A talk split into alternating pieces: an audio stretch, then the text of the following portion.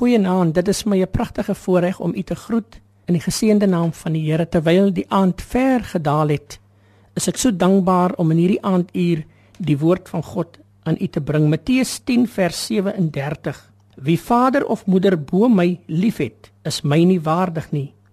En wie seun of dogter bo my liefhet, is my nie waardig nie.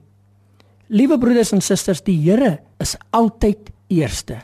Ja, ek herhaal, Hy moet altyd eerste wees. So maklik neem pligte en baie ander dinge in 'n besige wêreld ons beslag en dan moet die Heer maar terug staan. Dit gebeur soms dat hy te vergeefs moet wag want ek is te besig. Hier is baie goeie raad. Moenie wag tot die huis eers aan die kant is en die bed opgemaak en die vloer gevee is nie, maar maak eers tyd om te bid. Moenie wag tot die koerant saans gelees is en jy van die TV af moet bed toe gaan nie. Maar maak eers tyd vir die Bybel. Moenie wag tot jou rekeninge betaal is en in al jou behoeftes voorsien is nie.